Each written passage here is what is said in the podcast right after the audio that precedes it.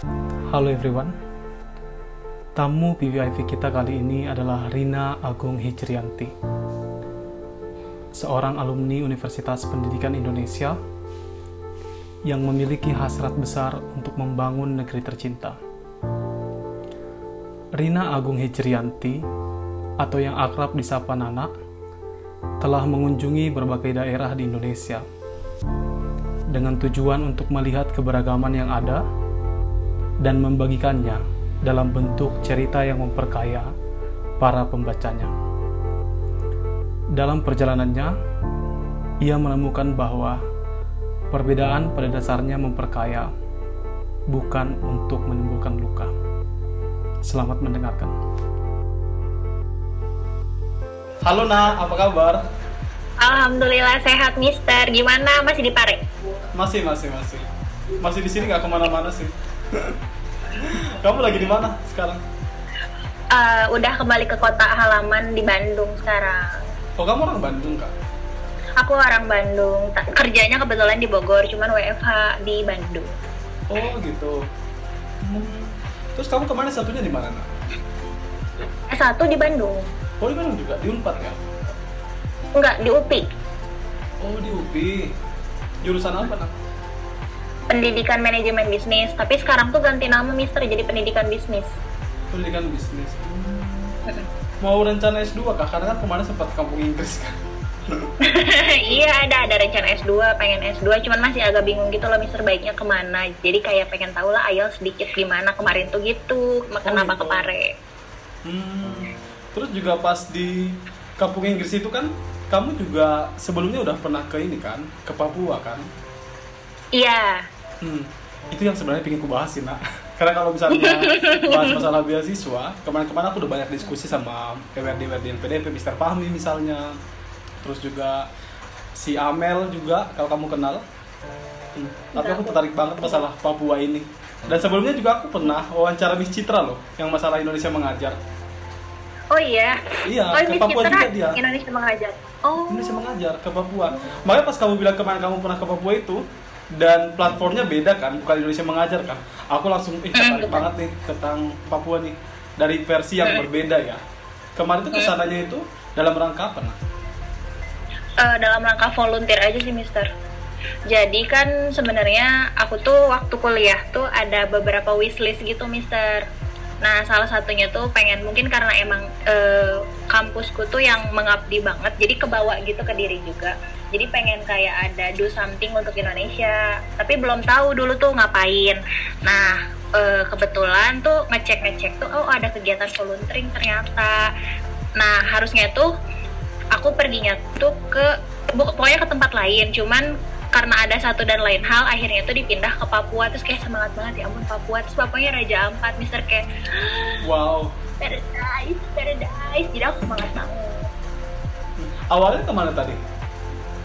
aduh aku lupa ke mana ya pokoknya ke daerah Sumatera ke sana lagi Mentawai kah? Nat oh Natuna harusnya aku ke Ih keren Natuna banget Natuna. Harusnya ke Natuna cuman waktu itu tuh kan naik kapal. Nah ada kapal yang tenggelam gitu di eh, untuk eh, ke Natunanya jadi si transportasinya terganggu terus kita nggak tahu kapan berangkat dan itu tuh udah diundur-undur terus. Akhirnya kayak ya udah deh dilempar ke ekspedisi selanjutnya aja. Eh, ekspedisinya tuh ada dua ke Kalimantan sama ke Papua. Terus aku pengennya ke Papua. Hmm. Kukira dari awal kamu memang udah milih Papua gitu loh, Nak. enggak bu- bukan. Aku milihnya Natuna. Cuman Natuna tuh nggak bisa ke sana kita karena ada masalah di eh, kapalnya di transportasi Tapi opsi untuk Papua waktu itu terbuka. terbuka. Jadi pilihannya itu kalau misalnya kita punya waktunya lebih luang, kita disuruh milihnya Papua. Kalau misalnya waktunya lebih sempit ke, ke Kalimantan, karena ke Kalimantan itu naik pesawat, ke Papua itu kan naik kapal. Nah, karena sebagai mahasiswa yang waktunya luang, karena sudah tingkat akhir juga, jadi wah Papua nih Papua ke timur nih kita gitu. Hmm. Tadi aku mau nanya itu sebetulnya gitu. Karena kan banyak orang yang memilih langsung ke Papua. Termasuk aku nih, aku pengen tahun depan mendaftar Indonesia mengajar dan harus ke Papua. Tahun ini harusnya aku daftar juga. Tapi karena slot untuk Papua nggak ada, nggak dibuka untuk tahun ini, aku langsung yang ah nggak nggak deh gitu. Aku pengennya ke sana gitu. Menurutmu apa yang membuat orang pingin banget ke Papua? Em, karena Papua tuh apa ya kayak surganya surganya dunia gitu loh Mister. Kayak susah gitu jauh untuk ditempuh tapi worth it banget gitu. Dan kita tuh kan belum terlalu tahu banyak gitu. Sedangkan orang luar tuh kan udah banyak yang ke sana kayak masa sih kita sendiri nggak ke sana gitu. Terus kayak pengen pengen gak sekedar jalan-jalan doang pengen apa ya pengen memberikan sesuatu lah untuk untuk di sana gitu. Karena kan kita juga tahu bahwa di sana masih banyak eh, daerah yang lebih apa ya lebih kurang dari dari Pulau Jawa gitu Hmm, dan itu menempuhnya itu juga butuh waktu yang sangat lama sih. Dan aku dengar-dengar juga ya, bener kamu kan ke sana itu naik kapal laut ya. Mm-mm. Mm-mm. Gimana dong, ceritain dong, nggak kebayang aja gitu. Karena kemarin aku pas dari Surabaya ke Lombok aja 20 jam, itu loh capek banget gitu, belum lagi ngadapin calo-calo. Iya, Mister tahu banget kan untuk dari dermaganya dan naik ke kapal tuh kan susah banget kan. Aku tuh bener-bener kayak yang kayak yang apa ya sama porter tuh yang sikut-sikutan gitu loh supaya bisa masuk karena kan kalau Mister cuma 20 jam berarti nggak butuh tempat tidur dong. Sedangkan aku tuh 3 sampai 4 hari itu kan nggak mungkin kan kalau nggak tidur atau tidur di luar dan kita tuh punya banyak logistik dan banyak perempuan juga kan. Makanya itu kita harus kayak ngetek ngetek tempat tidur itu tuh bener-bener yang kayak rebutan rebutan lari lari lari yang sikut-sikutan sama orang kayak gitu itu bener-bener langsung keringetan dan bawa carrier gede gitu kan bawa tas gede kayak wah semangat banget itu langsung kayak ya Allah capek banget ya padahal belum nyampe kayak udah habis tenaga capek banget Tapi itunya rame-rame kan, Mm-mm. Mister nyobain ke WC-nya nggak? nyobain lah. Tahu kan perasaannya harus mandi di situ, buang air semua. Benar aku mandi juga sih di situ, tapi untungnya kapal kami kan Oasis kan, itu yang swasta gitu loh nak, masih terhitung baru lah dia. Oh, Jadi masih bagus, bagus banget dia ininya. Walaupun gantungan bajunya itu nggak terlalu kuat ya. Sementara kan tas yang tas ransel kan harus kubawa-bawa karena kan barang-barangku di situ semua, laptop, kamera dan yang lain-lain kan. Jadi agak susahnya itu sih naruh barang itu. Tapi bersih lah menurutku walaupun airnya agak terasa berbeda ya. Nah, kalau kita tuh kebetulan kapal perginya itu tuh kayak apa ya hopeless banget gitu loh, Mister. Jadi kapalku tuh banyak banget kecoanya. Buset. Lebih banyak jumlah kecoa daripada yang naik kapalnya. Jadi kayak bangun tidur, makan, semua semua tuh ada kecoa di hidup kita gitu. Kayak bangun tidur ada dia, mau tidur ada dia, makan ada dia, semua Ya. Hmm. semuanya kayak kegiatan kamar mandi ada dia itu kayak benar-benar kita tuh sebenarnya di kapal tuh mental breakdown banget misalnya kayak capek banget belum nyampe tapi kayak udah lengah banget. Terus emang apa ya kan airnya ya makin timur tuh emang makin bertahan hidup gitu loh makin banyak orangnya. Jadi kayak kalau waktu di Surabaya kan masih sedikit nah makin timur tuh orangnya makin banyak makin banyak. Bahkan tuh di jalan-jalan tuh yang udah harusnya tuh ya orang lalu lalang tuh itu tuh semua tempat tidur tempat tidur gitu yang ngemper ngemper ngemper ngemper ngemper. Banyak banget kayak gitu jadi makin susah nafas Hmm. Naiknya kemarin dari Jakarta atau dari Surabaya? dari Surabaya turun di eh, Sorong dari Sorong pindah ke Pelabuhan Rakyat itu masih pakai kapal lagi Berarti nggak transit di Makassar ya? transit transit di Makassar transit di Bau-Bau transit di Ambon terus ke Sorong Waduh, tapi nggak sempat keluar ya? Aku turun terus kecuali di Ambon karena di bau-bau itu kan turun kita.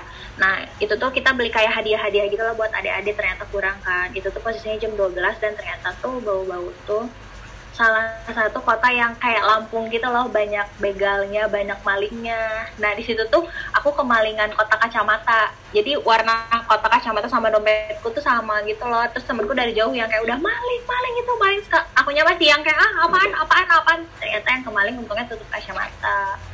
Pas sampai Ambon gak mau turun takut kenapa-napa lagi. Kayak enggak aku di kapal aja. Tapi worth it gak sih Trauma. naik kapal laut? worth it banget Harus Hmm, rame-rame atau bisa sendiri? apa ya? Kan kalau backpacker, solo Kalau- traveler gitu atau backpacker gitu kan agak susah ya nyari teman yang mau naik kapal laut gitu ya, apalagi banyak kecoanya kan. Iya, iya. Mm. Kalau sendiri kayaknya aku belum nyampe deh mister mentalnya, tapi eh, kebetulan kan aku lagi daftar lagi volunteer gitu dan emang naik kapal lagi, jadi kayak lagi menyiapkan mental, ayo naik kapal lagi, naik kapal lagi. Hmm. Volunteer di mana lagi? Di Papua lagi? Enggak, uh, aku kan belum pernah ke Maluku jadi aku pengen ke Maluku hmm. eh tapi orang tuamu nggak tahu Ter nah. nah alhamdulillahnya mereka percaya sih Mister karena aku tuh orangnya tuh kalau udah ada maunya tuh kayak pasti gitu loh. Misal kayak aku bisa kok bisa bisa bisa bisa kayak gitu. Terus orang tuanya juga mungkin ngelihat akunya sungguh-sungguh jadi kayak ya udahlah gitu. Selama positif mah ya nggak apa-apa gitu. Lagian kan waktunya juga ada maksudnya masih muda belum belum kalau kata ayah belum berpasangan belum pusing. Jadi ya udah suka-suka kamu dulu aja lah. Selama itu positif nggak apa-apa. Hmm. kan banyak orang tua di luar sana nih nak yang nggak hmm. ngebolehin anak perempuannya apalagi ke mana-mana hmm. gitu apalagi jauh kan ke daerah timur sana ke Papua gitu ya menurutmu apa sih pentingnya seorang perempuan pergi jauh gitu seperti yang kamu lakukan lebih ini? ke pengal lebih ke pengalaman sih mister pengalaman sama ke relasi. Karena kan waktu itu tuh itu seluruh mahasiswa se Indonesia jadi aku tuh ketemu mahasiswa dari Sumatera sampai sampai timur lagi. Terus kita tuh melakukan sesuatu untuk uh, daerah timur gitu. Kayak banyak jurusan banyak kampus. Jadi itu banyak pemikiran. Jadi kayak seneng aja terus kayak yakin gitu lah pas ngeliat pas ngeliat itu kan ada sekitar 33 orang anak muda. Terus kayak aku ngomong sama diri aku Indonesia nih bisa bersatu kok. Indonesia nih bisa majuin gitu. Kita tuh bisa damai gitu. Meskipun ya logat beda suku beda ada cekcok nggak mungkin enggak. Apalagi kan kalau misalnya aku secara pribadi tuh kalau sama yang kayak Sumatera gitu kan kadang suaranya lebih keras tuh. Kadang suka yang apa marahin aku ya uh, terus kalau misalnya aku marah tuh sama orang Sumatera aku tuh harus bilang ke temen aku kayak mam dipanggil kan mama mam aku nih marah tau. Kayak lah kamu lagi marah itu tuh biasa aja kalau di Sumatera aku kayak baik. Soalnya dia orang Batak kan kayak hmm, oke. Okay. sama yang Palembang aku juga shock waktu itu kayak ini kok ngegas mulut? Ternyata emang kayak gitu jadi ya sudah saja. Cuma jadi kayak apa ya jadi menemukan perbedaan banyak perbedaan tapi ya kita tetap go ahead aja gitu loh tetap bisa-bisa aja gitu untuk kerja sama jadi kayak seneng aja.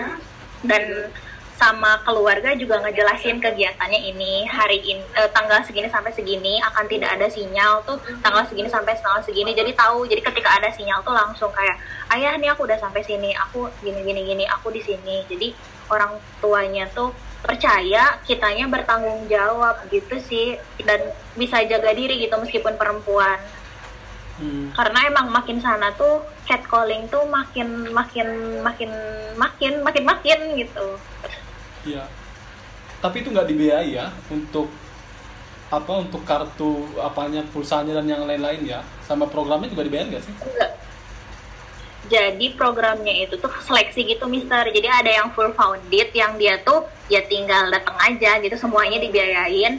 Ada yang half founded ada yang setengah dibiayai dan setengah kita. Ada yang self founded itu dia bayar sendiri. Kebetulan tuh aku pas ke sana tuh dapatnya yang half founded mister. Jadi kayak dapat diskon gitu. Harusnya tuh harganya tuh misalnya 4 koma jadinya tuh 4 kayak gitu. 4 juta ya? Mm -hmm itu, itu tuh untuk apa? program kita di sana udah udah transportasi program makan bla bla bla bla bla bla.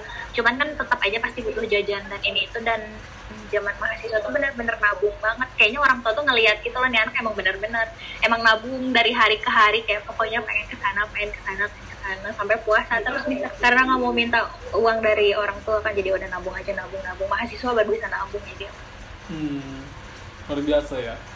Setelah tiga hari terombang ambing di kapal laut. Akhirnya kamu nyampe ke Papua gitu ya. Apa kesan pertama Muna indah banget sih indah. Indah banget nggak bohong. Makanya kayak oh ini yang disebut sama orang-orang tuh kayak tanah surga. Tanah surga tuh beneran nggak bohong. Dan emang kebetulan kan aku senang snorkeling juga mister. Pertama kali aku snorkeling tuh di Bali. Terus uh, ke Papua nih. Nah di Papua pun aku bukan di tempat yang objek wisata yang bagus banget itu tuh kayak tempat biasa aja. Cuman kebetulan kita uh, snorkeling. Itu tuh posisinya baru beres hujan. Snorkeling kan kalau baru beres hujan kan sebenarnya nggak bagus. Tapi ini Raja Ampat tuh indahnya ngaco banget, bagus banget kayak wah. Terus kan emang spot diving dan spot snorkeling terbaik di dunia juga. Jadi kayak wah ini kalau pindah tempat kayaknya akan mengeluh. Karena pasti lebih bagus Papua gitu. Kayak bagus banget indah banget yang uh, aku pernah nontonin Nat jadi ada kayak karang tuh warna-warni itu kayak kok ini warna-warni kayaknya fake deh kayaknya bohong deh ini. Taunya pas aku ke Papua beneran warna-warni misal bener-beneran seindah itu beneran yang biru yang cering merah yang jreng tuh beneran indah banget. Nggak bohong kayak kamu harus minimal satu kali pergi ke Papua sebelum mati itu udah harus wishlist banget Mister Haru bener sih aku juga sih pingin banget sih ke sana. Apalagi Raja Ampat kan salah satu wishlistku yang Hmm. udah dari dulu ya.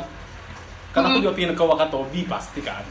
Cuma kalau di Iya, Papua tuh Sulawesi ya. Raja ya kalau Papua tuh Raja Ampat deh pokoknya Raja Ampat gitu. Dan udah ada beberapa teman yang di sana gitu bukan di Raja Ampatnya Hmm. ya ada yang di Sorong ada yang di Timika juga gitu cuman memang mereka itu udah ngajakin dari kemarin-kemarin tapi kan waktunya belum belum ada kan gitu mungkin Hmm. lah nanti juga sambil nabung-nabung dulu kan bisa ke sana gitu iya Mm-mm. tapi kalau ada kesempatan untuk Indonesia mengajar atau volunteer yang lain, aku terbuka banget sih. Karena kan, iya ya sama sama seperti kamu misalnya, ingin kontribusi lah bukan cuma jalan-jalan kan. Karena kan ada banyak hal yang harus dibenahi di sana kan. Tapi nak kontribusi apa sih yang kalian lakukan di sana, yang kalian kasih gitu, detailnya? Aku belum dapat gambarannya nih. Jadi di sana tuh kita punya beberapa program, ada yang specifically ke pendidikan, ada yang ke lingkungan, ada yang ekonomi, sama satu lagi tuh ke mana? Kesehatan. Nah, karena aku dari dulu memang passionate-nya di bagian lingkungan, jadi ngambilnya lingkungan. Dan kebetulan tuh aku punya background pendidikan, punya background guru ngajar, jadinya lebih terbantu, lebih tahu lah ya. Cuman di sana tuh kayak eh, kita kan biasanya kita bikin program ini ini, ternyata tidak sesuai dengan yang di lapangan. Ternyata masyarakat nggak butuh. Jadi kita tuh nyampe sana tuh masih nyamain lagi nganalisis apakah yang kita lakukan di sana tuh kepake atau enggak. Seringkali kan kalau misalnya orang-orang kita tuh kayak apa ya kalau boleh ngomong tuh kadang orang-orang kota tuh sotoy gitu kan kayak ini tuh yang mereka butuhkan lalala. Ternyata mereka nggak butuh gitu. Terus kayak di sana tuh ternyata yang banyak belajar tuh kita bukan eh, yang banyak belajar tuh dari kita bukan dari mereka kayak gitu. Kayak lingkungan nih. Kemarin tuh sesimpel untuk membedakan plastik eh, organik sama anorganik bisa sesimpel itu. Terus kayak untuk ngasih tahu untuk buang sampah tidak sembarangan untuk buang untuk misalnya buang sampah tidak ke laut kebetulan tuh Rina daerah dermaga. Jadinya di sana tuh suka ada yang kayak buang sampah semua semua semua tuh ke laut. Jadi kita tuh ngasih tahu jangan ke laut gitu. Kita dipilah-pilih aja. Kebetulan daerah sana belum banyak tercemar plastik jadinya gampang jadi kita tuh ngajarin cara bikin pupuk terus kayak yang waktu kita SD kan kita suka nanam-nanam kayak toge yang kayak gitu-gitu ya Mister Hmm. Nah kita ajarin kayak si vertical gardening yang kayak gitu-gitu yang tapi secara sederhana aja yang kayak gitu-gitu. Kalau misalnya lebih emang lebih fokusnya ke bagian lingkungan. Hmm. Tapi hal tersulit apa yang kamu dapati di sana? Akses untuk sampainya. Karena kalau misalnya dari masyarakatnya, masyarakatnya tuh sudah terbuka. Maksudnya itu mereka mau lah untuk kayak sikat gigi, mandi itu tuh masih apa ya? Masih sebuah hal yang mahal gitu untuk mereka tahu bahwa mandi tuh minimal sehari sekali itu mereka kayak ya udah sih seminggu sekali emang kenapa? gitu. Kayak sikat gigi ngapain tiap hari? Mereka belum tahu bahwa ya de- untuk kesehatan kita ya sikat gigi untuk kesehatan kita kita misalnya divaksin yang kayak gitu-gitu. Sesederhana itu. Kayak anak-anak ini memang sebaiknya sekolah tuh SD ditamatkan sampai SMP jenjang SMA kalau bisa kuliah yang kayak gitu-gitu. Karena kalau untuk masalah bertahan hidup tuh beneran tanah surga Mister nggak bohong gitu. Kayak kalau misalnya kita di selokan kita kan isinya sampah kalau di selokan mereka isinya kangkung kangkung pun mereka nggak nanam mister. Kayak ya udah aja tumbuh subur gitu beneran. Pas waktu nyobain nyelam kan kayak pas hari terakhir ah pengen tahu nih dalamnya gimana ikannya banyak banget gak akan kelaparan. Umbi-umbiannya banyak banget gak akan kelaparan. Kayunya tuh banyak banget bisa bikin rumah. Kayak dan di sana tuh kalau kita butuh kayu tuh tinggal ambil aja ya udah gitu jadi. Nggak yang harus kayak beli atau apa atau apa. Jadi meskipun di sana uang tuh susah tuh tapi kebutuhan sudah terpenuhi. Maksudnya secara untuk kebutuhan eh, yang biasa yang kayak untuk sekedar makan dan bla bla bla itu tuh nggak akan kesusahan. Kayak butuh butuh tinggal mancing doang masak itu udah enak banget. Kayak butuh umbi-umbian tarik doang nyampe. Kayak wah kita yang tidak udah ternyata orang-orang kota yang tidak bisa bertahan hidup. Ketika ke sana kita yang ribet. Jadi tukar-tukaran lah kayak sama-sama belajar. Kayak sama-sama kita sama-sama menjadi guru dan sama-sama menjadi murid. Sama-sama sama-sama belajar. Hmm. itu kayak kampungku sih. Kami juga di selok-selokannya itu kangkung nah itu kalau mau ngambil cabai juga ada kan kami juga punya lahan kan ada pohon pisang juga. Apalagi nenekku tuh ada pohon duriannya pohon duku cempedak nangka semuanya ada. Tinggal ngambil kan kalau tempatnya dia gitu. Tapi anyway selain dari yang tadi yang kamu bilang tadi tanah surga semuanya bagus apa-apa ada semua kebutuhan itu bisa terpenuhi dengan mudahnya di sana. Tapi ada hal-hal buruk gak yang kamu temui di sana? Kalau yang bagus-bagusnya oke lah gitu. Hal buruk yang kamu temui apa? Hmm. Lebih ke kesa yang disedihin itu lebih ke kesadaran masyarakatnya sih. Kayak misalnya kesadaran tentang pentingnya kebersihan tentang kesehatan gitu. Kayak ya kalau sakit ya udah gitu. Lebih kayak kan kalau misalnya sakit ya ada ada ada, ada dokter ada ada bidan di sana bisa bertanya. Mereka tuh kayak ya udah aja. Kayak ya sekolah ya ya udah gitu. Dan apa ya nggak jarang ditemukan bahwa siswa kelas 5, kelas 6 itu tuh masih belum bisa baca tulis, masih belum bisa berhitung. Mereka tuh kayak kalau misalnya berhitung tuh jadi kayak apa ya? Kayak sebuah momok yang mengerikan aja gitu kayak ah tidak mau. Jadi ketika kita ngajar juga kayak kita harus muter otak untuk cara supaya gimana ya, itu tuh jadi fun supaya anak-anak tuh seneng gitu untuk baca tulis dan berhitung. Terus kayak kesadaran yang itu yang kayak mandi kayak gitu tuh di sana masih kurang banget, Mister. Mereka tuh ngira ya udah mandi tuh ya bisa bisa pakai air misalnya pakai air laut. Jadi kadang kalau misalnya lagi jalan gitu kakak kakak dia mandinya pakai air laut kayak gitu. Dia sikat giginya pakai air laut. Kayak kita pakainya air air ini ya air gunung lalala kayak gitu gitu. Sesederhana itu tuh mereka pun masih belum tahu gitu. Sesederhana itu yang kayak kesadaran mereka untuk kayak orang tuanya tuh nggak ngasih tahu gitu kalau misalnya laki-laki dan perempuan itu tuh butuh uh, apa yang nggak bisa main terlalu berduaan atau apa. Karena kan angka angka apa ya angka kayak apakah hamil dini di sana kan tinggi juga gitu. Kayak edukasi tentang seksnya pun masih kurang kayak gitu gitu sih mis hmm, berarti ini masalah pendidikan ya? Mm, lebih ke pendidikannya emang memang sangat amat belum merata sih kalau di daerah sana. Hmm. Dan orang tua orang tua orang tua dari si anak-anaknya pun memang mereka juga sama-sama belum apa ya belum aware bahwa pendidikan itu penting kayak gitu dari uh, generasi atasnya pun kurang jadi ke bawahnya pun sama kurang gitu hmm, makanya penting banget kan ini kan guru-guru dari luar datang lah gitu untuk ngasih edukasi Mm-mm. gitu ke mereka hmm.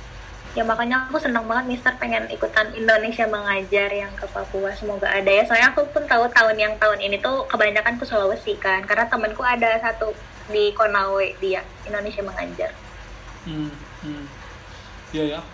Tapi nak selain masalah pendidikan nak, apa sih masalah masif yang ada di sana yang menurutmu perlu penanganan yang sangat serius dan segera?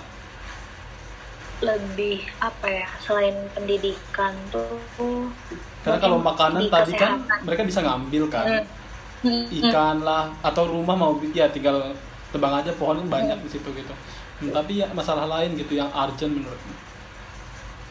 di sana tuh suka jadi waktu aku naik taksi tuh jadi dia tuh lama juga tinggal di Papua aja kita ngobrol-ngobrol jadi di sana tuh apa ya mudah sekali penyebaran hoaxnya tuh penyebaran hoaxnya tuh mudah sekali Mister. Jadi misalnya ada anaknya berantem nih an- anak-anak antar desa gitu desa A dan desa B berantem terus mereka ngadu ke orang tuanya bisa jadi tawuran antar warga yang gede banget. Makanya eh, si eh, bapak taksi yang ketemu sama kita tuh dia bilang kayak gini kalau kamu nemu panah melintang di kepala di atas kepalamu itu kamu harus udah putar balik karena 2 meter dari sana tuh berarti lagi ada eh, tawuran gitu tawuran antar suku. Lebih kayak gitu sih lebih kayak masalahnya tuh masalah-masalah kecil tapi mereka tuh bawanya tuh langsung semua gitu satu suku berantem. Ternyata pas diselidik itu ya anaknya doang dipukul misalnya berantem sesederhana itu tapi jadi masalahnya yang gede banget nyebar ke mana-mana makanya diingetin. Dan kenapa sebenarnya kenapa eh, Nana dikirim ke sana tuh ke daerah Raja Ampat tuh sebenarnya supaya se- mes- daerahnya masih tertinggal tapi daerahnya tuh aman gitu loh misalnya karena kalau misalnya terlalu dalam juga tuh bahaya ke kita juga. Karena kan mereka pun eh, dari pihak mereka dengan pihak kita pun butuh pendekatan kan. Kayak tiba-tiba datang terus ngatur ngasih tahu ini itu kan susah ya nggak masuk. Dan memang ada tim pendahulu juga misal jadi di sana tuh tim pendahulu sekitar dua minggu atau lebih tuh pendekatan sama warga. Kasih tahu nanti bakalan ada orang yang datang dari kota. Mereka mau melakukan kegiatan ini ini ini ini nginep sama warga sama kepala sukunya kepala desanya ngobrol bahwa kita tuh akan eh, ngasih ini lo lalalalalala itu tuh harus pelan-pelan banget dan emang butuh waktu butuh proses. Hmm. jadi kamu tadi berapa bulan di sana? Aku nggak nyampe sebulan sih itu sekitar dua minggu doang. Hmm, dua minggu doang. Itu pendekatannya gimana tuh dua minggu? Jadi begitu datang tuh kayak kalau bahasa eh, bahasa Jawa bahasa Sunda itu kayak sowan-sowan gitu datang datang ke rumah-rumah warganya ngobrol-ngobrol terus ditanya e, iya kegiatan sehari-harinya ngapain aja? Anaknya sekolah udah berapa? Udah bisa apa aja? Terus main sama anak kecilnya kayak gitu-gitu. Sebenarnya kalau misalnya ngomongin eh, terbuka atau tidak ramah atau tidak tuh mereka sangat terbuka dan ramah. Ramah sekali. Dan mereka tuh baik. Kayak ada temenku dia ngobrol nih sama pemuda-pemudanya terus tiba-tiba pulang-pulang bawa ikan. Banyak banget mister katanya dikasih terus tiba-tiba dibawain kelapa banyak banget. Kayak kalau aku dapat dapat oleh-oleh kenang-kenangan gelang gitu. Apa ya namanya tuh? Akar bahar. Itu kan katanya dapatnya susah kan dari dasar laut dulu diproses bla bla bla. Terus tiba-tiba ada anak kecil datang ini buat kakak. So kalau temen aku kayak nangis gitu kayak ah terharu kamu kenapa baik sekali. Terus uh, aku dibikinin kalung gitu dari biji-bijian. Terus sama datang ini buat kakak Padahal Baik mahal, banget. mahal itu nak kalau dijual. Iya, Mister, aku tahu pas ngecek, waduh mahal juga ini harganya. Dan emang di bandara tuh dicek. Jadi kadang tuh ada bandara yang eh, tidak mengizinkan untuk eh, kita orang ke bawah bahasanya untuk eh, orang-orang kita tuh nggak boleh bawa jadi kayak harus ditaruh di, di tas di, di dalam kayak gitu nggak bisa dipakai gitu dan aku tuh dapat dua dapat dua mister akar baharnya terus temen aku bilang kenapa dapat aku mau satu terus terus aku bilang bilang ke anaknya boleh nggak di- dikasih ke kamu kayak gitu itu aku pajang sampai hari ini nggak aku pakai jadi kenang kenangan Hmm. Aku baru tahu itu mahal karena aku kan sering ngeliat ini kan, lihat apa namanya dari YouTube atau Instagram mengenai Papua gitu. Terus juga ada handicraftnya gitu kan. Kadang mungkin orang mikirnya apaan sih tas-tas gitu doang berapa ratus ribu, tapi Oh. kan bikinnya capek Noken. kan. Iya, Noken. kan iya, iya capek kan itu kan. mm-mm. Makanya dia kuat kan, awet kan dia. Iya iya dia bisa bawa anak kan Eh, orang-orang Papua kan anaknya ditaruh di noken ya Hmm. Terbuat dari kayu kan itu kan? serat-serat kayu iya Iya, ya jadi serat, lah. serat kayu serat akar Hmm. Itu kan berarti di Papua ini kan banyak apa ya potensi selain pariwisata ya. Jadi mereka juga kerajinan tangannya juga oke gitu. Apa sih potensi lain yang besar menurutmu yang kamu lihat di sana? Karena kan kami yang Pariwi- cuma lihat dari YouTube ini yang nggak bisa lihat sepenuhnya kan, tapi kamu yang udah pernah ke sana yang lebih melihat gitu. Apa sih yang yang bisa digali lagi dari dari masyarakat di sana gitu dari tempat itu juga. sebenarnya banyak banget sih Mister kalau misalnya mau dijadiin kayak wisata gitu.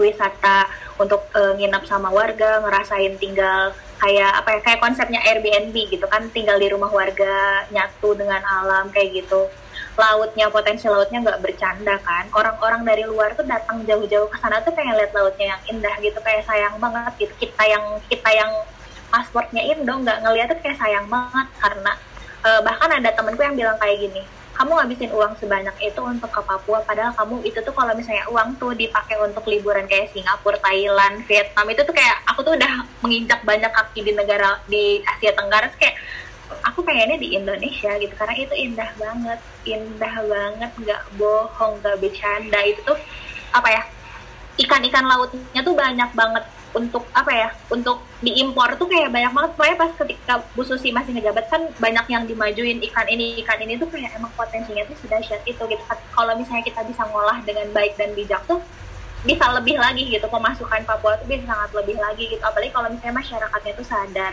juga gitu. Hmm. Tapi katanya di sana itu orang Indonesia malah nggak banyak, banyaknya orang luar katanya. orang sebenarnya yang nggak banyak tuh orang Papuanya Mister. Kayak di Sorong. Di Sorong nih banyaknya orang Jawa. Yang jualan tuh orang Jawa yang beli tuh orang Papua. Di sana tuh kan aku pengen nyobain makan papeda. Susah nggak dapet. Adanya angkringan Mister. Penyetan. Ya nggak seru. dong. penyetan Jatim. Penyetan Jatim kayak aku ngapain ke sini? Kalau makan penyetan Jatim nggak ada papedanya susah. Aku, akhirnya kan ke ke pasar. Ke pasar kayak nyobain makanan-makanan pasarnya gitu. Enak-enak kok gitu. Cuman ya yang namanya pasar kan gak semua orang mau nginjekin kaki di pasar gitu. Khususnya kalau kita yang datang dari kota gitu. Padahal bagus-bagus juga. Dan ada yang jualan kayak batik gitu loh kain tenun kayak gitu loh Mister. Itu tuh semuanya dari Jawa. Dan ternyata Sorong tuh kebanyakan isinya tuh orang Jawa Hmm. yang maju di Papua tuh orang Jawa. Dan lebih banyak lagi tuh pihak asing lagi gitu. Jadi untuk apa ya untuk pihak untuk orang Papuanya sendiri tuh memang sangat terasingkan gitu. Mereka tuh kayak kehilangan tempatnya di tanahnya sendiri tuh emang benar seperti itu Terus mereka di mana gitu dan apa yang mereka lakukan? Kalau tadi kamu bilang kan, misalkan banyak orang Jawa yang bikin angkringan lah, yang bikin apalah, yang jualan lah, malah yang beli orang Papua gitu. Mereka pekerjaannya apa sih? kalau yang eh, aku lihat tuh lebih kayak mereka bercocok tanam atau misalnya mereka jadi nelayan. Nah, kebetulan tuh sebelum ke sana tuh kita dikasih tahu bahwa sebenarnya tuh orang Papua ini tuh mereka memang sepertinya tuh dididik apa ya di- dididik diciptakan untuk jadi males gitu loh Mister. Karena semua ada akhirnya jadi males. Jadi mereka tuh memang konsumtif aja gitu. Mereka tuh lebih kayak beli beli beli gitu. Nih orang-orang yang dari Jawa tuh wah ini peluang. Akhirnya mereka jualan-jualan jualan gitu. Dan karena eh, aksesnya susah jadinya kan mahal tapi untuk harga tuh alhamdulillahnya sekarang apa ya udah lebih rata gitu loh. Kayak di Sorong nih sebenarnya harganya tuh mirip-mirip kayak di Bandung cuman Bandung bagian atas aja gitu. Kayak lagi ngafe di kota Bandung dapat makanan sederhana di Sorong untuk ukuran Sorong. Jadi kan kayak Sorong tuh sekali makan tuh bisa sampai 20-30 ribu gitu. Itu itu makanan paling kayak nasi nasi nasi telur doang gitu. Oh my god. telur telur tuh satu bijinya tuh sepuluh ribu mister Aku pindah sana aja deh jualan di sana. ya kan kayak kalau kita tuh langsung otaknya kan pengen wah jualan ini nih laku nah kalau orang sana tuh kayak ya udah sih ngapain terus karena mereka tuh banyak yang belum aku kan eh, misalnya ngikutin ini nggak Instagram merawat Papua Iya iya. Aku tadi bilang itu yang informasi yang aku dapatkan itu dari dari sana salah satunya. aku kan pas ngeliat dia ada dia cerita bahwa karena orang Papua nih pada banyak yang nggak bisa baca mereka tuh nggak tahu expire date-nya kayak sedih banget Aku baca tuh. ya, iya. jahat jahat banget sih menurutku yang kayak gitu itu. Jadi dianya kan ini kan menyuarakan itu kan, tapi malah dia yang dimarahi kan. Iya. Pak gurunya, aku sering komen-komen gitu sama Mister kayak Pak Guru semangat, Pak Guru ya ampun kangen banget, kangen banget dan dia tuh memang lebih dalam dari aku. Aku pun nggak ada sinyal tempatnya, tapi itu tuh jauh masih apa ya? Karena daerahnya daerah air mungkin ya. Aku untuk mandi tuh nggak nggak kesusahan gitu, nggak kekurangan air. Sedangkan kan kalau di Asmat kan susah air kayak, Hmm. wah ini juara sih. Meskipun dia bilang dia backgroundnya bukan pendidikan, tapi itu mah udah kayak apa ya? Kayak gut calling dia tuh mendidik tuh kayak Iya kan. malu ya sarjana pendidikan ini malu kayak Hmm. Dia bilangnya guru Iya. laul-laul atau apa gitu dia bilang. iya guru lau-lau Walau-walau. Tapi inilah, maksudnya dia itu pasti banyak banyak banget yang dia dapat gitu. Bahkan kita yang Iya. misalkan bukan aku loh ya, tapi orang-orang yang backgroundnya pendidikan pasti ya pingin banget gitu dan harusnya pingin sih uh, ke tempat yang kayak gitu gitu karena banyak hal yang bisa didapat gitu dan masalah pendidikan di Indonesia itu kan kita nggak bisa selesaikan kalau hanya melihat dari perspektif Jawanya kan tapi melihat Iya, Jawa dari sendiri. banyak banget termasuk di sana yang fasilitasnya juga nggak se sebagus kita yang ada di Jawa misalnya gitu jadi ada banyak hal yang harus dibenahi. Anyway nah kemarin Citra pas di podcastku dia cerita mengenai pengalamannya dia juga kan selama Indonesia mengajar gitu. Dan dia bilang ada hal-hal lucu yang dia temuin di sana. Misalnya Citra ini kan muslim kan. Pas di sana itu dia ditawarin babi lah gitu. Dan dia kan ya terkejut sebetulnya tapi kan berusaha untuk ya biasa aja gitu. Dan dia bilang dia nggak bisa makan itu karena dilarang. Terus siapa si anak itu bilangnya gini oh ayam boleh toh gitu kan. Boleh gitu. Hmm. pertemuan berikutnya dikasihlah ayam tapi masaknya ini dicampur sama darah babi. Of course itu Hmm. tetap nggak bisa kan. Nah, itu Iya. pengalaman pengalaman lucunya dia gitu. Masih ada hal lainnya sih gitu. Tapi dari kamu sendiri apa sih pengalaman terlucu yang kamu temuin di sana? Kalau aku sama teman-temanku tuh yang paling berkesan di sana tuh WC cemplung Mister. Oh iya. Nah si. Citra juga cerita sih terus terus. WC cemplung kan kayak WC outdoor gitu kan kebuka dari kayu-kayu doang. Terus kan Iya. kelihatan view-nya gitu. Nah karena eh, aku di sana tuh bagian kayak dermaga gitu tuh emang view-nya tuh kayak enak banget mister. Cuman kan si tingginya tuh cuman kayak sampai sebahu kita gitu. Dan Benar. ketika kita lagi mandi itu di sebelah tuh ada yang kayak misalnya ada yang lagi buang eh, di sebelah ada yang lagi buang air juga ada yang lagi kayak misalnya buang hajat juga. Terus ada anak kecil berenang berenang kayak bebas di sana kayak ayo kakak berenang. Aku berenang takut menemukan hal-hal hadiah-hadiah lucu gitu kan kayak "Ah," tapi ya udah akhirnya. Terus pas pertama-pertama tuh ah nggak mau nggak mau kebuka banget ini gimana? Terus pas mandi wah. Terus teman aku kayak wah meningkatkan publik dengan bangganya kayak oh mau. Terus karena si WC-nya tuh ngejejer di luar gitu jadi nggak nggak di dalam rumah kan WC-nya tuh ngejejer di depan dermaga gitu jadi aku mandi jarak kayak cuma 1-2 meter terus temenku mandi gitu sebelah sebelah jadi kita bisa sambil ngobrol gitu kayak sebelah sana tuh kayak cowok lagi mandi juga kayak weh ayo sama-sama mandi bareng. Buset. Itu tuh kayak bener-bener buset ini mandi itu seru banget. Jadi kayak pengalaman aja. Tadi kamu bilang apa? Pas ini pas sabun tadi? Bisa minta aja gitu loh kayak eh minta sabun dong. Terus kayak ketinggal ke rumah ke rumah warga gitu. Bener-bener yang baik banget kayak subuh subuh mama ikut mandi kayak ya udah sok mandi. Terus benar ya tapi anakku dulu kayak gitu gitu akhirnya kita ya udah mandi bareng. Hmm. sama bocah-bocah. Terus kita pernah di ini kita harus kayak ke satu tempat gitu. Nah yang nyetirin yang nyetirin perahunya itu anak kecil. Terus kayak kita semua yang gede-gedenya tuh kamu yakin bisa nyetir kapal ya? Bisa kok bisa? Terus kayak oh udah ini kayak aku berikan nyawaku kepadamu ya karena itu lumayan ya. Kalau jatuh mm, nggak ada yang tahu gitu. Apa tamat di sini usia jadi ya udah kayak aku percayakan usiaku kepadamu. Benar-benar anak kecil di sana udah serba bisa. Terus kalau diajakin berenang juga langsung loncat gitu loh misalnya kayak sedangkan kita ini dalam kayak maju kayak terus itu tuh dekat dekat WC situ. Jadi Hmm. ya gitu ada yang mandi ada yang berenang. Mana temenku cangcutnya jatuh nih. Kayak Yo. nak nana lihat ke bawah. Ya udahlah ya kenang-kenangan untuk Papua. Hmm. nggak mungkin diambil kan kalian? Iya nggak mungkin. Tapi hal yang men- menyedihkan nak yang menyedihkan yang kamu temui apa? Pasti ada dong nggak mungkin nggak ada. Kamu pernah pingin pulang Yang nggak sih? Baru satu iya hari. pe- pe- pengen balik lagi. Belum belum satu hari misal baru ninggalin pergi. Udah Hmm. kayak ya udah pulang lagi nih. Ya sedih banget. Soalnya tuh anak-anak di sana tuh yang emang bener-bener yang kakak kakak lovable banget. Kan kalau misalnya diperesin cowok kan udah ya udah siapa sih kamu males. Gitu kan kalau anak kecil yang ngomong kayak kakak kakak baik banget aku sayang kakak tuh langsung "Ah, tidak bisa tidak Hmm. bisa gitu. Kalau kalau- kalau cowok kan ah bohong kamu. Kalau anak kecil kan pasti jujur ayo ayo seneng banget pokoknya misalnya di sana diajakin main sama anak kecil ke air terjun dan malah mereka yang ngejagain aku. Pijak sini kakak sudah. Jangan pijak yang itu. Licin. Sebelah sini sudah. Tidak tidak tidak. Landai situ. Pindah pindah sini. Pijak kaki kaki. Kakak kakak lihat sebelah sini. Baik. Kita ngikut. Terus mereka tuh taat Un- eh, yang menarik itu mereka taat gitu loh sama aturan di sana. Jadi kalau udah di atas jam 5 tuh mereka akan pulang.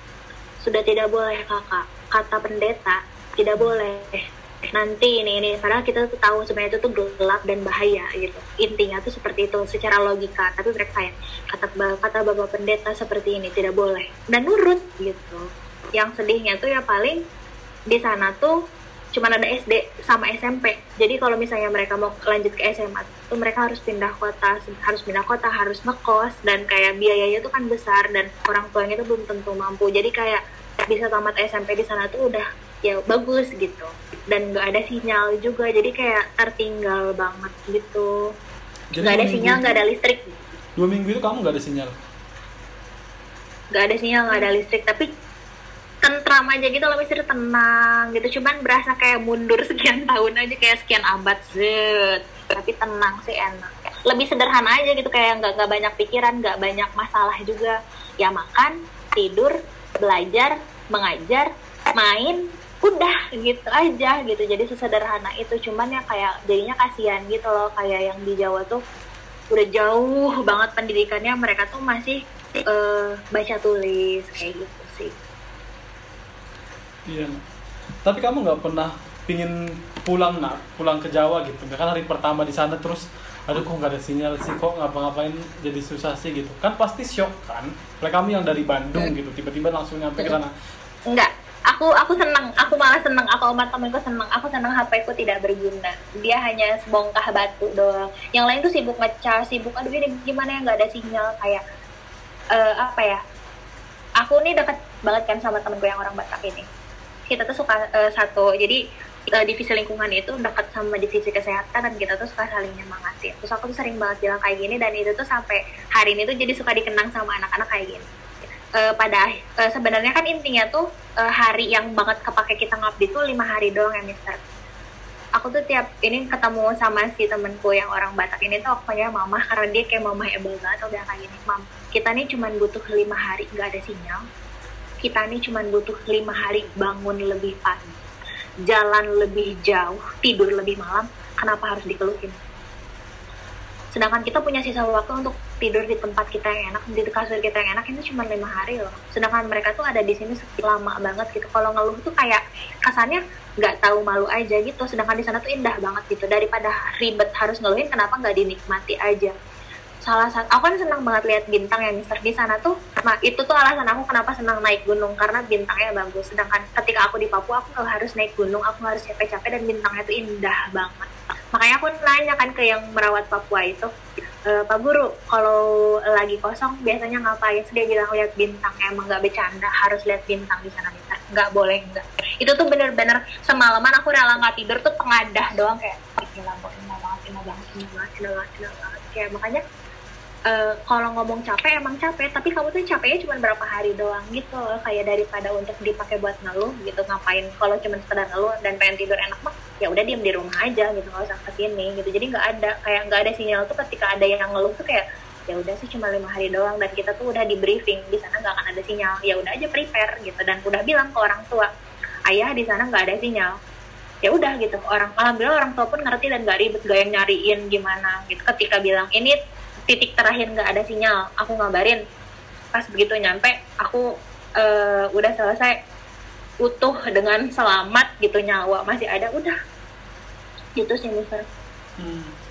Energimu itu pasti mungkin datangnya dari setiap kali kamu mengajar kali ya. Aku percaya sih, mengajar itu kita bukan cuma ngasih, tapi kita juga mendapatkan gitu. Mendapatkan energi dari murid-murid kita gitu. Kamu pernah nggak sih nak dengar cerita yang luar biasa dari salah satu studenmu gitu? Yang mungkin dia jalan kaki kalau berkilo-kilometer. aku bukan oh bukan. Kalau aku bukan dari studioniku mister. Jadi waktu di kapal ini kan tempat putus asa aku kan di kapal ya mister. Ya. aku ketemu orang Ambon.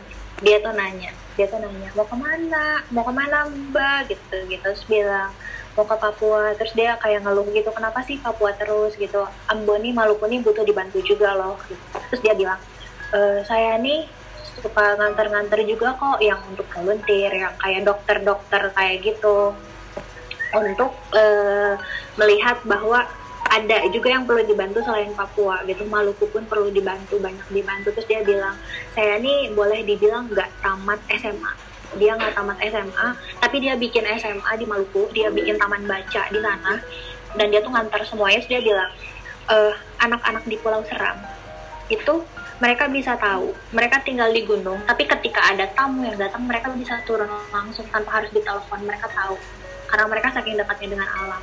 Dan ada eh, waktu itu tuh si eh, Bang Martin kalau nggak salah namanya aku ingat banget di Bang Martin ini itu nganterin dokter-dokter ke sana ke Pulau Seram.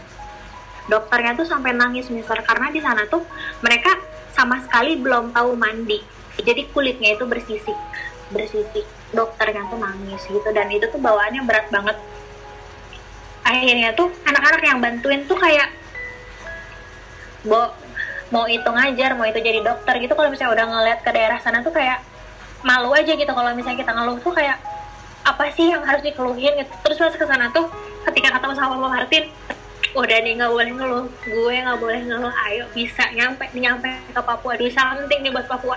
Gila, masih tetap nangis mister. Kalau misalnya nyeritain itu kayak Iya, iya. apa ya? Kayak aku jadi mahasiswa ini masih belum banyak yang dilakuin gitu. Sedangkan dia yang SMA-nya pun nggak lulus tuh dia berhasil memajukan Maluku. Dan dia pun bilang kalau mau ke Maluku kontak aja dia. Kayak oke. Okay, kayak aku harus banyak lebih banyak lagi melakukan hal untuk Indonesia. Dari situ tuh kayak that's why aku ada di NGO juga gitu loh Mister. Aku paham paham karena banyak orang yang sebenarnya nggak tahu gitu. Kenapa sih orang mau ke sana? Kenapa orang mau melosok gitu kan? Orang nggak tahu panggilan-panggilan itu yang kadang datangnya itu pas udah melihat sesuatu yang orang lain nggak lihat. Karena kan orang-orang yang terpilih menurutku termasuk kamu juga orang-orang terpilih pastinya untuk bisa melihat kenyataan yang ada di sana gitu. Dan bersyukur sih kamu punya privilege itu. Buatku itu privilege loh ya. Jangan dipikir Iya. pergi ke pelosok itu sesuatu yang apaan sih gitu. Ya buat kita itu luar biasa gitu. Bahkan kemarin em, kamu tahu Mas Gunawan kan? Iya Mas Gun. Iya Mas Dokter itu- Gun. Aku jadi terharu juga karena kamu nangis sumpah. Jadi Mas Wawan itu bilangnya kayak gini dia punya teman yang Indonesia mengajar juga. Karena aku kan baru-baru ini cerita ke dia juga keinginanku untuk pergi ke sana gitu ke Papua gitu. Ke daerah timur lah lebih tepatnya gitu ya. Terus Mas Wawan ini bilang temannya ini merasa bahwa setahun di sana itu itu pengalaman terbaik yang pernah dialami dalam hidup. Gitu. pengalaman terbaik loh ya. Jadi kan ya mungkin orang yang lihat dari luar setahun berada di tempat yang sangat-sangat terpencil dengan berbagai kesusahannya itu sesuatu yang mungkin nggak berguna menurut orang lain gitu tapi buat kita yang merasakan itu kita yang belajar dari sana bukan mereka yang belajar dari kita tepat sekali Iya kan?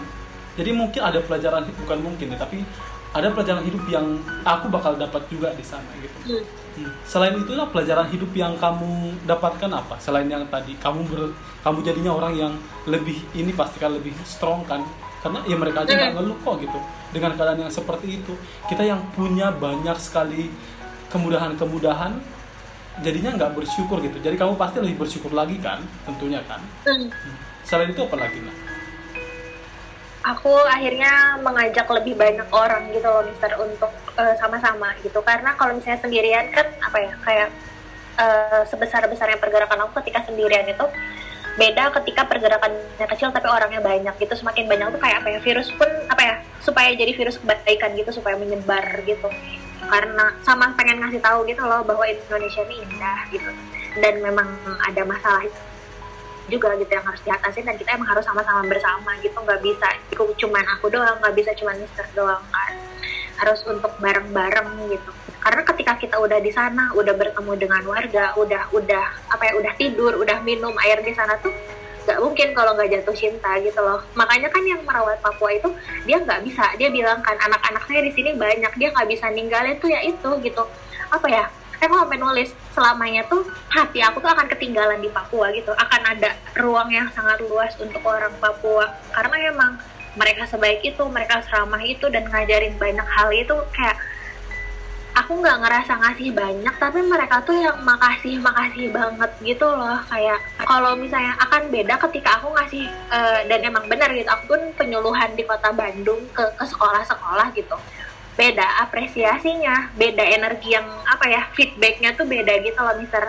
Ketika apa ya lebih ketika kita ngasih sebenarnya kita ngasih kebaikan itu nggak seberapa tapi balik ke kita itu banyak banget lagi tuh kitanya fun jadi makin fun makin makin oke. Jadi kayak pengen balik lagi pengen balik lagi. Makanya pas tadi iya aku pengen nyobain volunteer lagi. Dan kebetulan tuh kantorku eh, juga support gitu. Karena sebenarnya sebenarnya kan aku belum punya cuti kan. Tapi ketika aku tanya sama temenku kantorku support. Makanya kayak oke berangkat lagi nih. Tinggal Maluku nih yang belum diinjekin kaki aku. Sumatera udah semua semua udah. Tinggal Maluku ayo Maluku. Kayak bisa. Hmm. Udah pernah ke Sumatera juga ya? Udah ke Palembang Itu volunteer juga.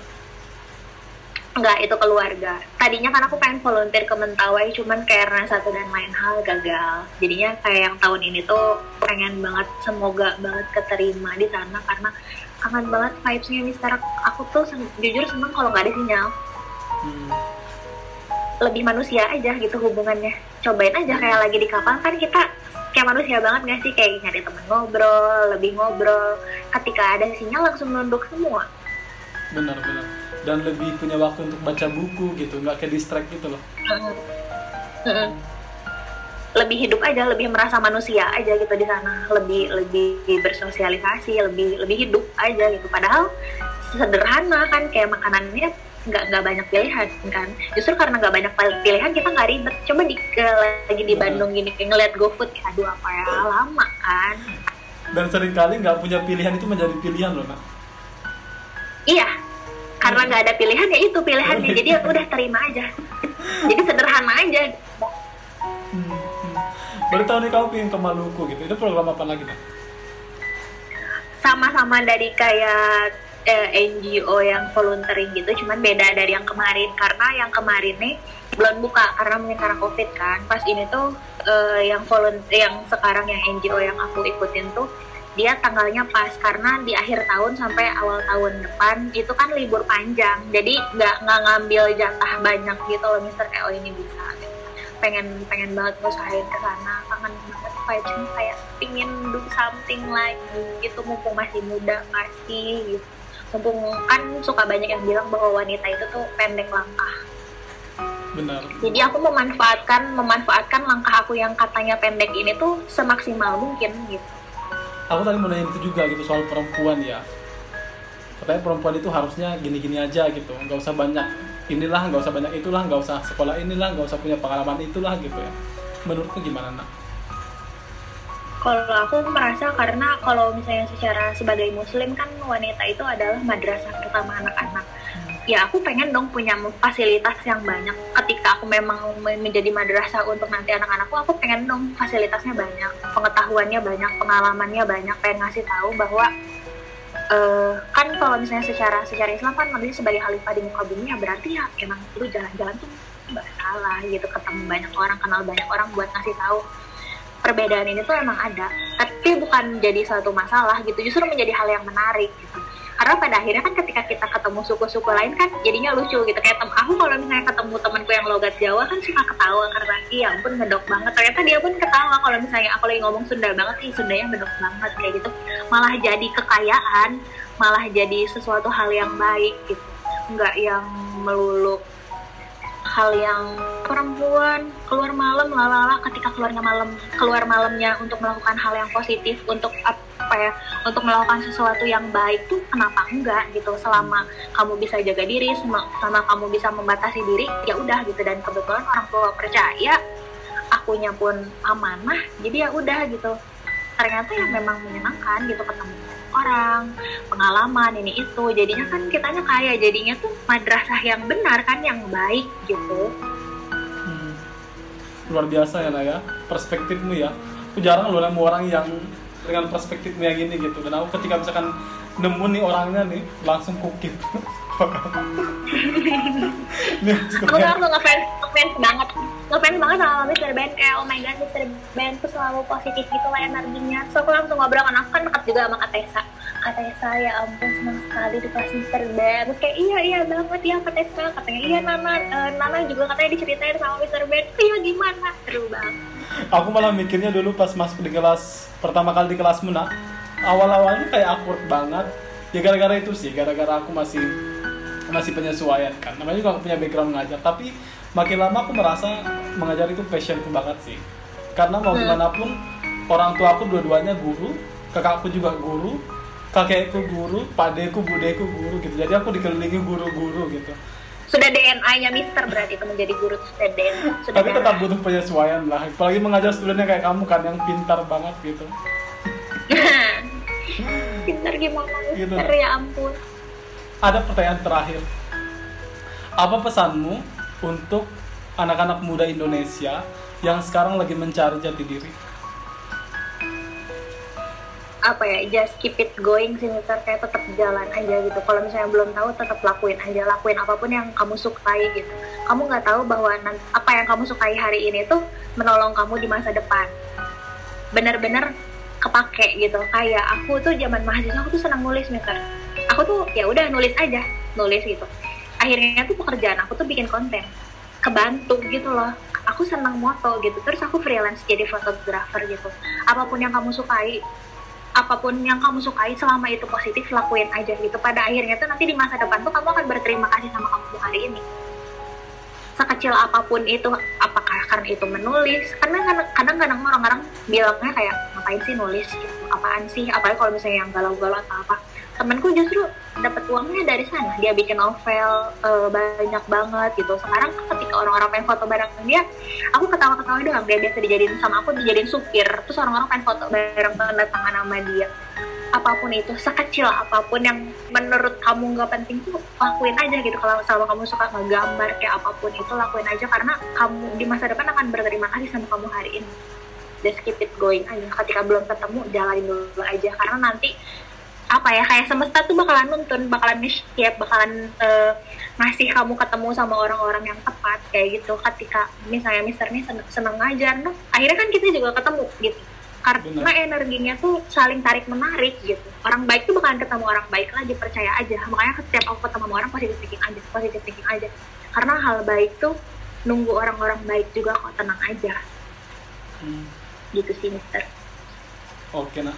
Thank you for sharing for today nah hmm. banyak banget hal inspiratif yang aku dapatkan sih dari obrolan ini gitu terima kasih terima kasih dan terima kasih nah Iya, makasih juga, makasih, makasih, makasih, makasih udah percaya dan mau mengundang aku yang baru seperti dibandingkan pembicara-pembicara lain, Mister Terima kasih. Thank you, nah. Bye. Bye-bye.